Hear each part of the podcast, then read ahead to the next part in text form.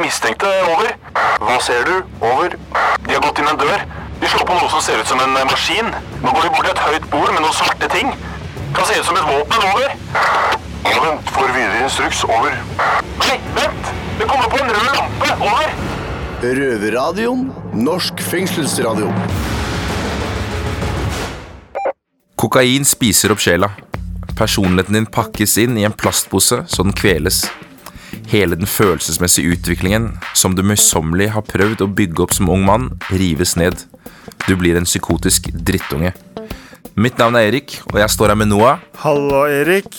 Velkommen til Norsk fengselsradio. Velkommen, velkommen. Men velkommen til deg, Erik. Takk skal du ha Du er en ny røver her i Røverradio. Splitter ny. Eh, og deg skal vi bli kjent med seinere. Absolutt, det skal vi. Men tilbake til sitatet, Noah. Hvem tror du har kommet med dette? Nei, Jeg tror at det er en eller annen eh, komiker. Eller en eller annen politiker. Det er det jeg tror. Ikke helt. Er ikke helt Men det er nemlig Thomas Seltzer. Å ja, han negeren, ja. Han raske negeren. Han raske negeren. Han, raske han negeren. turbonegeren. Som du hørte, så er han kjent fra bandet Turboneger ja. og fra Trygdekontoret, som går på NRK. Eh, og han skal vi ha på besøk her eh, litt senere i sendinga. Det blir kult. Han skal nemlig fortelle litt om hvordan det er for damene eh, i Bredtvet kvinnefengsel. Ja. Hadde ikke han lagd noen dokumentarer om det? Han har lagd en dokumentar, Ja. og den kommer til å gå på TV snart. Men tilbake til oss. Tilbake til røverne. Tilbake til røverne. Nå har det skjedd noe, skjedd noe nytt i dag. Ja, det er overskya, og sola er bak skya. Det er positivt. Er det så positivt? Det er ikke noe sol å se, da. Nei, men sola er jo der, men du ser den ikke. Det er jo, det er, men det er en ny dag. Det er positivt. Det er en ny dag, det er positivt. Ok, Noah. Yes, da yes. setter vi i gang sendinga. Da setter vi i gang.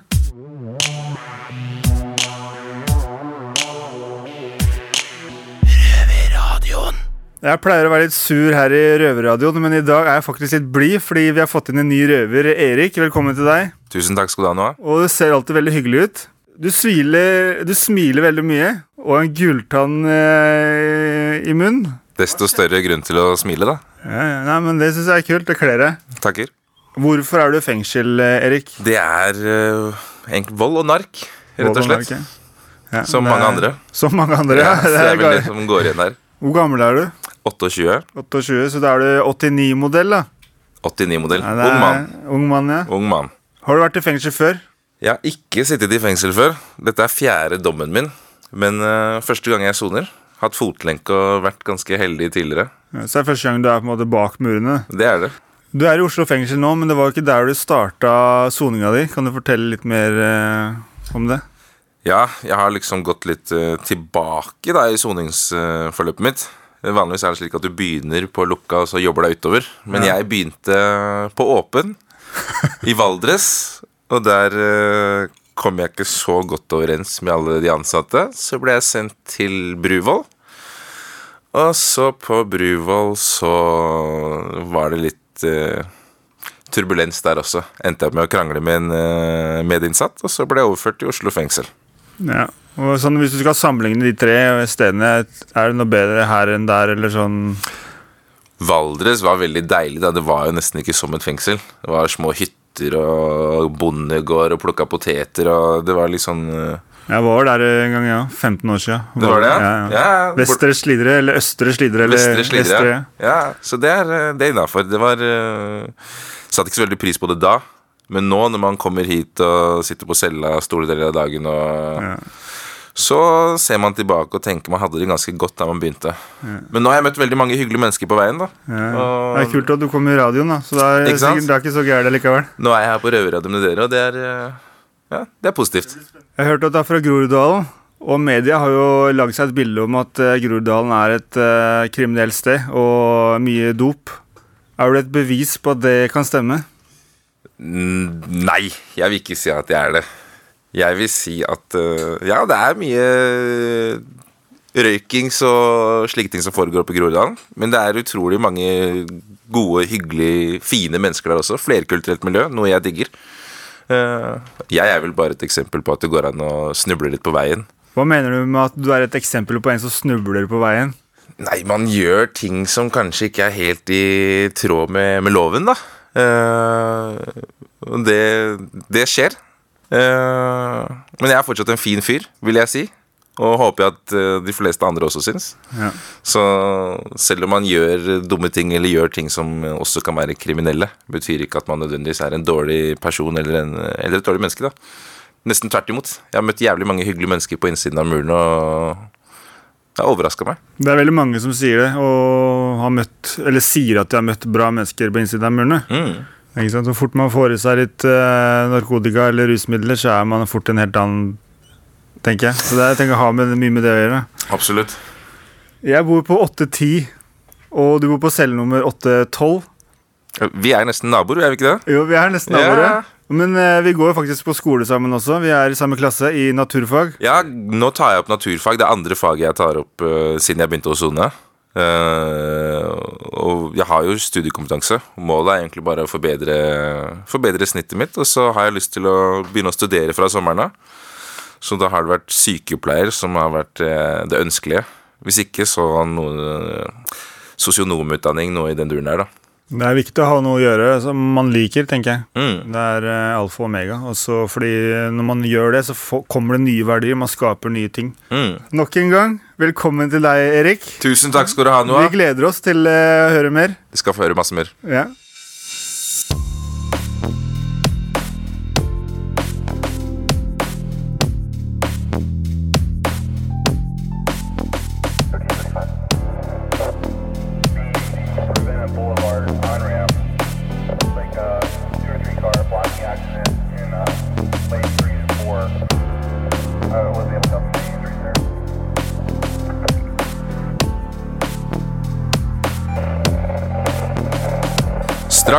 Får vi besøk av Thomas Seltzer fra Trygdekontoret, som har laget en dokumentar om hvordan det er for damene på Bredtvet. Men vi er jo så heldige å ha vår egen redaksjon oppe på Hønsehuset, så før vi lar Thomas få ordet, så setter vi over til kilden selv og lar damene fortelle litt om hvordan de oppfatter hverdagen der. Take it away, ladies.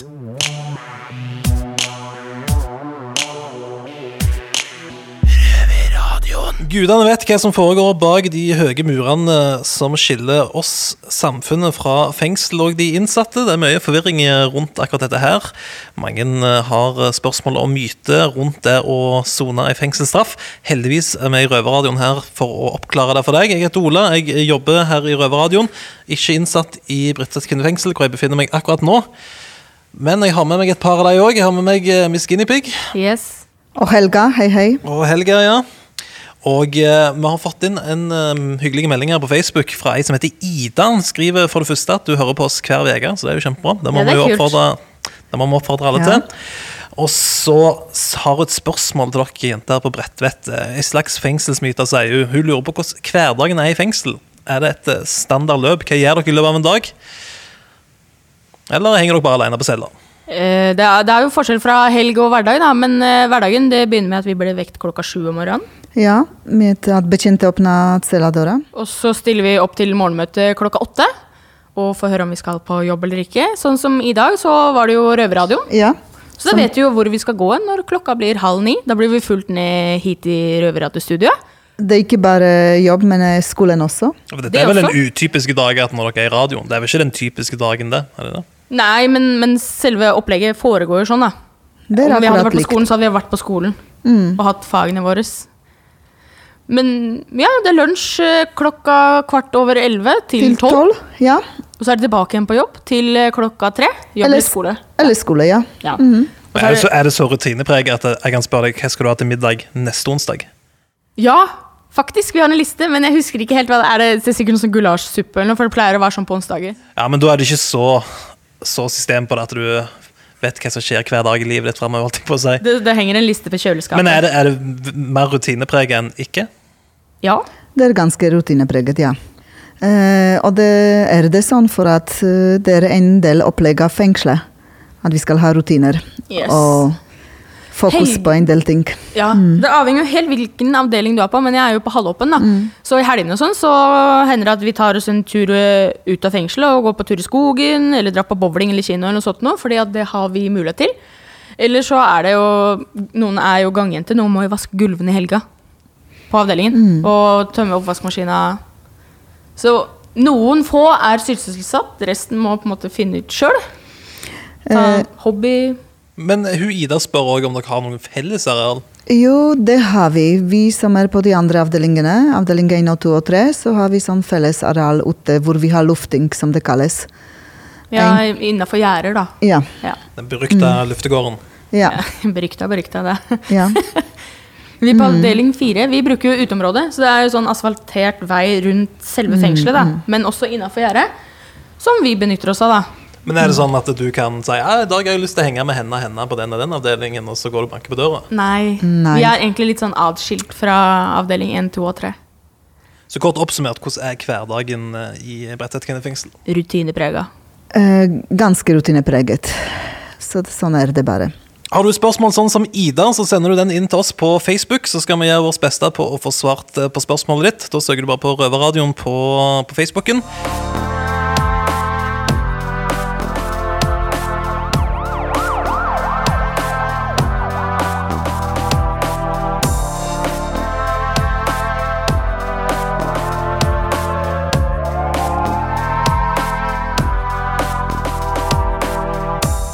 Endelig har vi besøk av en som har tatt uh, mer dop enn meg. Det er ikke ofte.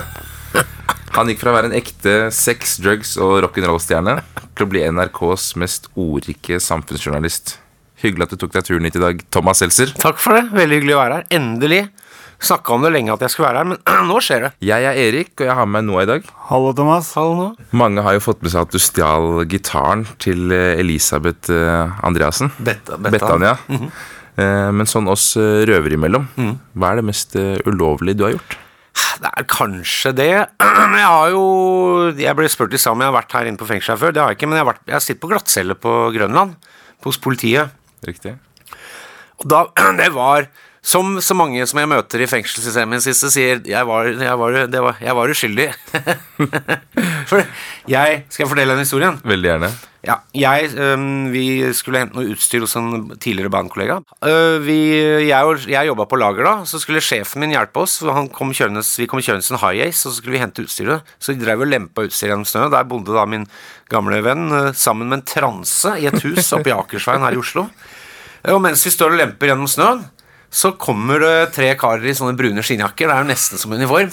Og det var jo sivile politifolk. Og så trekker de opp de skiltene og sier du, vi er fra politiet. Vi bare lurer på om vi kan ta en titt inn i huset her. Og jeg sa ja, jeg bor ikke her. Så vi bare fortsatte å lempe, og så gikk de inn der. Og da fant de vel Det var vel hekto med hasj som bare lå på bordet der.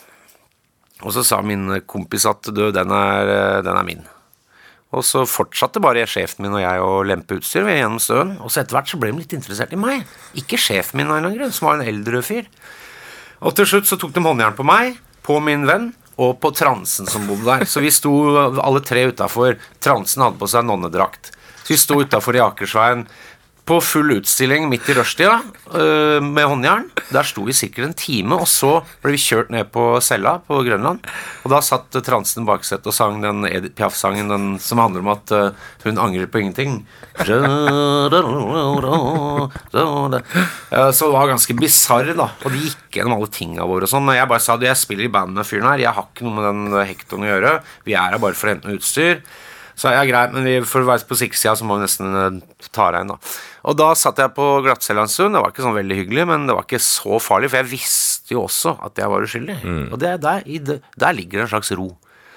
Og så kom det en garva politimann inn og så sa han, nå har de andre lagt korta på bordet, så nå er det opp til deg hvorvidt du gjør dette enkelt eller vanskelig for deg selv.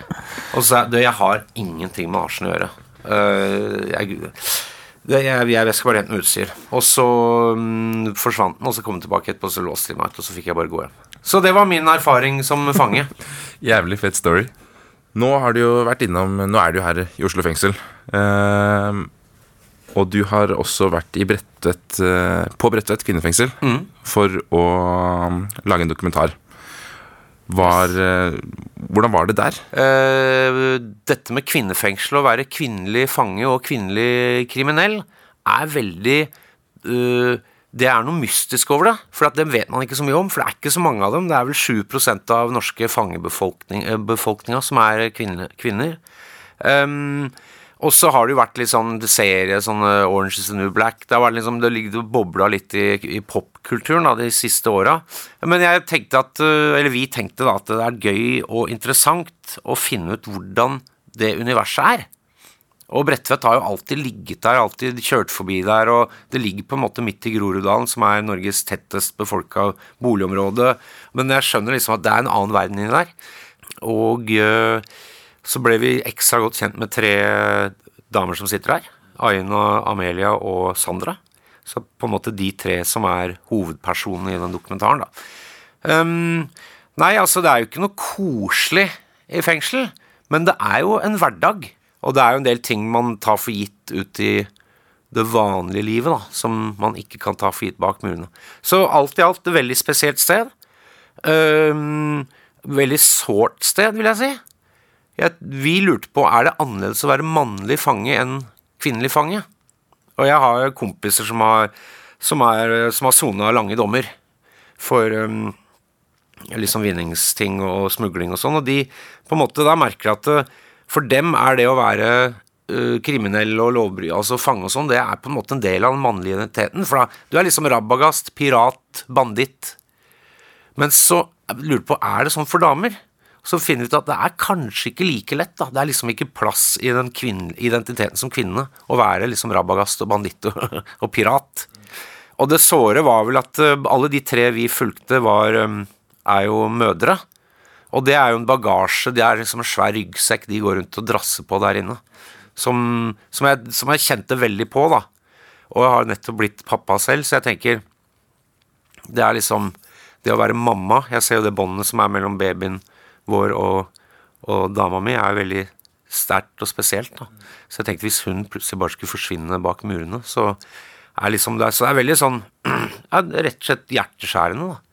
Det er også at Bredtvet er jo et uh, I hvert fall deler av Bredtvet er jo høysikkerhets... Uh, altså det er jo noen høysikkerhetsavdelinger. og Man tenker kanskje som vanlig sivil mann ute i samfunnet så tenker man at kvinnelige fanger de har jo ikke gjort så mye gærent. Liksom, de har liksom gjort noe litt mindre gærent enn en menn. Ja, det er enig. Men det, var jo, det er jo damer der oppe som sitter for veldig veldig, veldig alvorlige ting. Det er den stereotype attitude ja. man folk har til det, så det er bare Nettopp, bra å få blåst opp. Ja, så det er fint, og det tenker jeg at det, ikke, det blir ikke noe verre av at man snakker litt om det også. Det er jo liksom litt av filosofien på TV-programmet vårt Trygdekontoret. Det er at vi at uh, ting blir ikke verre av at man snakker om det, selv litt, også kanskje litt vonde eller litt vanskelige ting, da. Så har vi også et spørsmål fra damene på Bredtvet. Jeg har uh, sett dokumentaren din på forhånd, og jeg sitter igjen med et spørsmål. Den fremsto som et glansbilde med mye smil og moro, men jeg føler at det er ikke helt riktig fremstilt på hvordan vår hverdag egentlig er. Hvorfor har du valgt å vise dokumentaren sånn som du har gjort? Hm, nå vet jeg ikke helt hva man tenker på som vi ikke viste, men jeg tenkte at uh, vi har vel bare ville vise uh, jeg vet ikke, Kanskje det er morsrollen ikke Altså Vi har på en måte fokusert litt på morsrollen til de tre som vi følger. da, og Kanskje det blir litt uh, feil for de som ikke er mødre. Jeg vet ikke helt bakgrunnen til hun som stilte spørsmål, men kanskje hun ikke kjenner seg helt igjen i det. da. Så um, Utover det så har jeg egentlig ikke noe godt svar.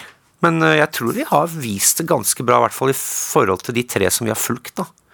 Men um, sånn er det. Det er jo 5,2 millioner virkeligheter i Norge, da, vet du. Du har jo også levd som musiker, Mm. med et liv eh, fylt med rus.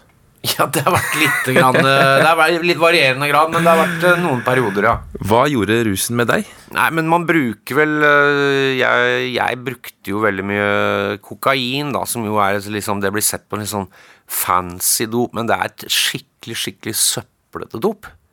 Og det det gjør, er at du blir jo veldig Du får, du får fram alle de dårlige sidene dine, for du får fram liksom stormannsgalskap. Du blir skikkelig storkar. Også på nedturen og hvis, etter langvarig bruk litt, altså For folk som er på speed og sånn, så høres det ut som øh, blåbær.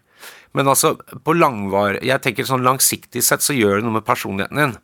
Som gjør, som gjør deg til et mindre menneske. Det gjør deg smålig, øh, høy på deg sjøl, men også masse tvil om deg sjøl. Uh, en del sånn Det bare det er, det er en Som jeg sa, det var som å pakke inn følelsene sine i en sånn form for plastikk, da. Eh, men jeg tenker at eh, at man snakker om rus på, som mental helse-ting, Ja, og ikke som en juridisk ting, er veldig viktig. Og den, det er jo den utviklingen som går nå med Stortinget, blant annet, som vel av Hva heter det legal, Ikke altså avkriminaliserte Hva hva er det de gjorde for noe? Avkriminaliserte cannabis, i hvert Ja. Altså i hvert fall at man Og så tenker at man, det at man ser på tung eh, narko- eller rusmisbruk som et medisinsk problem, og ikke som et eh, helseproblem. Og liksom da Ja. Stakkars politifolk må ut og liksom være førstelinjehjelperne, da. Altså det er jo Det hadde vært veldig mye debatt om den siste, hvordan the war on drugs vel kanskje har vært et ganske litt sånn øh, Funka mot sin hensikt. Hvordan var det du kom deg ut av russen? Nei, det var, var en slags øh, erkjennelse. Altså Man snakker vel om å nå rock bottom, snakker man om i AA-miljøet, altså enden av Minnesota-modellen. Og det tror jeg at man kommer til et punkt hvor man sier at vet du, dette kan ikke, det går ikke lenger. For min del så var det veldig mye som skjedde i privatlivet. Det var veldig mye øh, harde ting som skjedde, og liksom måtte ta noen valg. Og da skjønte jeg at øh, dette kan ikke fortsette. Og det var også veldig mye angst og depresjon inne i bildet som gjør at jeg den dag i dag kan være litt sånn redd for Eller bare tanken på å ruse meg, liksom at jeg blir sånn Å, fy faen. Blir litt sånn satt ut av det. Det, men jeg tror mange føler på, kan føle på angst og depresjon over, eh, i perioder i livet og sånn. Da, som jeg pleier å si, da tar jeg en joggetur. Det høres veldig banalt ut. ja, men det funker. Det funker Ja, det gjør til en viss det gjør grad, og det er klart at det er mange som har reelle ting de må ta tak i, men bare få i gang kroppskjemien litt, grann, få i gang den kjemien i kjemikalene i, hodet litt, grann, så øh, ved litt fysisk aktivitet. Det høres ut som de streite gymlærerne på 70-80-tallet sa, at klipp håret og begynn å jogge. Men det er en viss Du trenger ikke nødvendigvis klippe håret, du Erik har jo ikke hår. Men øh, det er jo en viss sannhet i at øh, fysisk aktivitet er veldig bra for øh, hodet også. Ja. Og så gjøre noe man liker å drive med. Finne noe som gir deg et kick. For Ja. eksempel jobbe med radio. Absolutt. En av dine tidligere ansatte i Trygdekontoret Ja. misbrukte jo rus mens han eh, jobbet for deg. Ja. Han er jo i dag eh, en av de mest kjente stemmene innenfor ruspolitikk. Yes. Sturla. Sturla. Kan du si litt om hvordan det var for deg, med din erfaring, eh, å ha en rusmisbruker i redaksjonen din? Ja, det er vel man man, luk, man kjenner jo lusa på gangen, for å si det sånn. Man skjønner jo at eh, ting er på ferde. Og det er jo alltid, eller veldig ofte i rus, så er det jo dette med denial, som det heter. Jeg så på The Osborns en gang, den TV-serien om oss i Osborn-familien, og så sa han broren Han mente at søstera var, eh, var blitt eh, rusavhengig, og så sa han 'Denial isn't just a river in Egypt'. ja, er ja, men iallfall Nei, så, så var dette sånn fornektelse, og det er mye ljuging, og det er mye unnskyldninger, og Så jeg tenker det der å være ruspårørende, det kjenner man igjen. Hvor mye, altså all ljuginga, all bøffinga og all eh, Nei, nei, nå skal jeg bare gjøre ditt, nå skal jeg bare datt. Altså alt Alt det som rusmisbrukere gjør, da, for å fortsette øh, kalaset, eller det er jo ikke kalas, men fortsette turen på galeien. Og den ser man jo veldig tydelig i en, i en arbeidssituasjon, hvor alle er avhengig av at andre leverer. Og hvis det er en som da For Sturle er jo et geni, han er et unikum, så han leverer jo Plutselig så leverte han jo masse, selv om han var i ganske dårlig form. Ikke sant? Og det holdt den jo gående en stund. Og da bruker man jo det som unnskyldning for at Ja, men dette gikk jo bra. Så det, det, nå, nå går det bedre. Nå, alle er jo med på det, og det er vel en, en del av mekanismen rundt som kanskje er litt destruktiv også, istedenfor at noen kommer inn og setter ned foten og sier Vet du hva, dette går ikke lenger. Men altså, jeg tenker Det er viktig å gi folk en sjanse. Ja. For Hvis man ble, for eksempel hadde sparka han, kanskje han hadde dette enda lenger ned inn i dritten. da. Ikke sant? Men til slutt så må man kanskje også gi noen sparken. Ja, ja. Det er noe med at uh, man må ta de tøffe valga også, fordi at uh, man må også Det høres, man høres, jeg høres, høres ut som et rasshøl, men man må også skjerme Har man rusmisbruket tett innpå seg, så må man også, som menneske, så har man også lov til å skjerme seg fra det, for at de blir også menneskebrukere. Ikke sant? ja Og det er, jo- er jo jo- veldig For meg som kollega og sånn, så er jo ikke Altså, det er klart det er kjipt, men jeg tenker på liksom I familiesettinger og sånn, så tenker jeg liksom på de At øh, det er veldig Altså, det er ja, at de må få lov å, folk må få lov å si nei, vet du hva, nå, nå får du ikke flere sjanser. Og det tror jeg kanskje vil hjelpe vedkommende til å ta Ja, noen valg Mm. til, til å møte da rock bottom og si at nå kan jeg ikke burne, jeg kan ikke bøffe familien min lenger, jeg kan ikke utnytte mine nærmeste lenger. Da, men at man, at man skal tilgi folk, og gi folk Altså at man skal tilgi folk, det syns jeg. Det tror jeg Ja, på. men altså, Jeg er enig i det du sier. Jeg tror det er veldig mange som kjenner seg igjen. da Mm, mm. I hvert fall som sitter her inne. Kjenner helt i samfunnet òg, men eh, jeg er helt med på den. Jeg har jo hatt familie sjøl som jeg har svikta i mange år.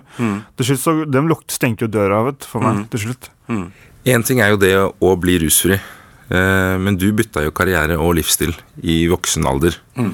Det er det også mange her bak murene som ønsker å gjøre. Hvordan lykkes man med det? Um, jeg vet ikke helt hva slags behandlingstilbud dere har her, rent psykologisk, men å gå i terapi, jeg gjorde det. Og for meg var det det skumleste jeg har gjort i hele mitt liv. Det var som å, det var som å hoppe ut fra 100-meteren. Det var som å hoppe i strikk, med en strikk som så jævlig sliten ut. Og det tror jeg sitter spesielt for oss gutta, så sitter det langt inne. Yeah. Jeg vet ikke om det har blitt annerledes nå, men altså hadde jeg tenkt liksom på 80-90-tallet at en dag skal jeg gå i terapi, så hadde jeg tenkt faen, er du helt blaut, liksom. Men jeg tror det Oppsøk, eh, oppsøk det på et eller annet vis, om du kan få tak i det. Um, og eh, erkjenn at du har eh, følelser, og erkjenn at du har ting i bagasjen som du kanskje burde ta tak i. Og så ten, da tenker jo han mannemannen inni meg tenker, å ja, nå, nå skal du på med selvmedlidenheten, liksom. Men det er ikke det der. Det er noe helt annet. Det er ganske gutsy å ta tak i de tinga. Eh, og det krever baller. Og, men man får det til. Så det er vel det jeg vil si, liksom. Altså, prøv å få hjelp. Oppsøk, eh, oppsøk behandling. Og også, som jeg sier til kjedsommelig, også tenk, ta litt fysisk fostring eh, på alvor, da. Du har fått sånn knirkestemme nå. Eh, Vi har jo også en kar på celle 815 som ble veldig stalka da han fikk høre at du skulle komme. Ja, så kult, da. Så kunne du sendt en hilsen til ham. Han heter Pip. Det gjør den. Kjære Pip, eh, så kult at eh, du ble entusiastisk når du hørte jeg skulle komme. Det setter jeg pris på. Da har jeg i hvert fall én fan her på, på kretsfengselet. da. Eller heter det krets, kretsfengselet? Men eh, bare når det er sagt, så ble det i hvert fall en hilsen til 815. Han ønska, 815, ja. ønska jo selvfølgelig en autograf, da, signert CD, men eh, en hilsen er mer enn bra nok. Tusen takk for at du kom. Og husk, eh, vil dere se med egne øyne hvordan Thomas klarer seg i Norges største kvinnefengsel, så er det å finne på NRK 27. februar. Og ligger også på nettet. Og på nett. Et fra da av. Vi gleder oss. Tjalabais, snakes on a Hyggelig at du kunne plane. komme. Stay trygg, da. Det skal jeg love deg.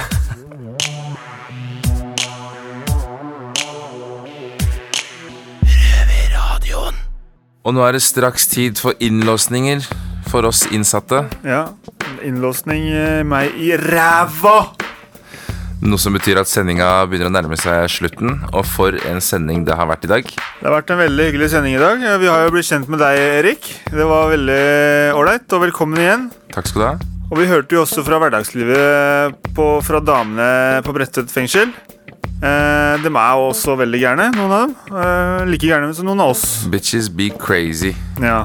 Og grunnen til at vi nevner eh, damene bak murene på Bredtvet kvinnefengsel, er fordi Thomas Seltzer har lagd en dokumentar om hvordan livet er eh, for dem. Ja, Thomas Seltzer var en veldig hyggelig og veldig vis mann. Hadde mye kunnskap om eh, det å på en måte komme til bunns i seg sjøl for å komme videre i livet. I tillegg til det så syns jeg dokumentaren høres veldig spennende ut. Gleder meg til å se den. Ja. Hva skal du gjøre når du kommer opp på cella, Erik? Vet du hva, Jeg skal opp på cella, spise meg brødskive med makrell i tomat. Så skal jeg spille litt kaluki, som er et eh, kortspill jeg har lært her inne. Muligens litt sjakk. Ta en telefon til familien. Og så blir det jo standard, da. Nappeløken. Ok, Så du skal, får du gjort så mye liksom her i fengselet? Det er ikke noe annet å gjøre, da. Ok, ok, ok, ok. Uansett, du hører oss hver fredag klokka seks på Radio Nova. Og hver lørdag halv to på NRK P2. Og når du vil på podkast. Så inntil neste gang, hold dere på matta. Hold dere på riktig siden av lovens lange arm, ellers så ses vi her i bak murene på Oslo kretsfengsel. Ja, og her inne er det ikke bare bare. Skal jeg love det. Det er det ikke. Fullt av farlig gangtroll-tull... Veggtroll. Ja, og ingen vil ha veggtroll. Ha det bra. Ha en fin dag, folkens. Vi chattes. Det har vært stille fra over en time. Hva skjer? Over. Det er bare et radioprogram. Det er lettere å høre på dem der. Over. Ja, vet du når det går, da? Over. Det er samme tid og samme sted neste uke. Over.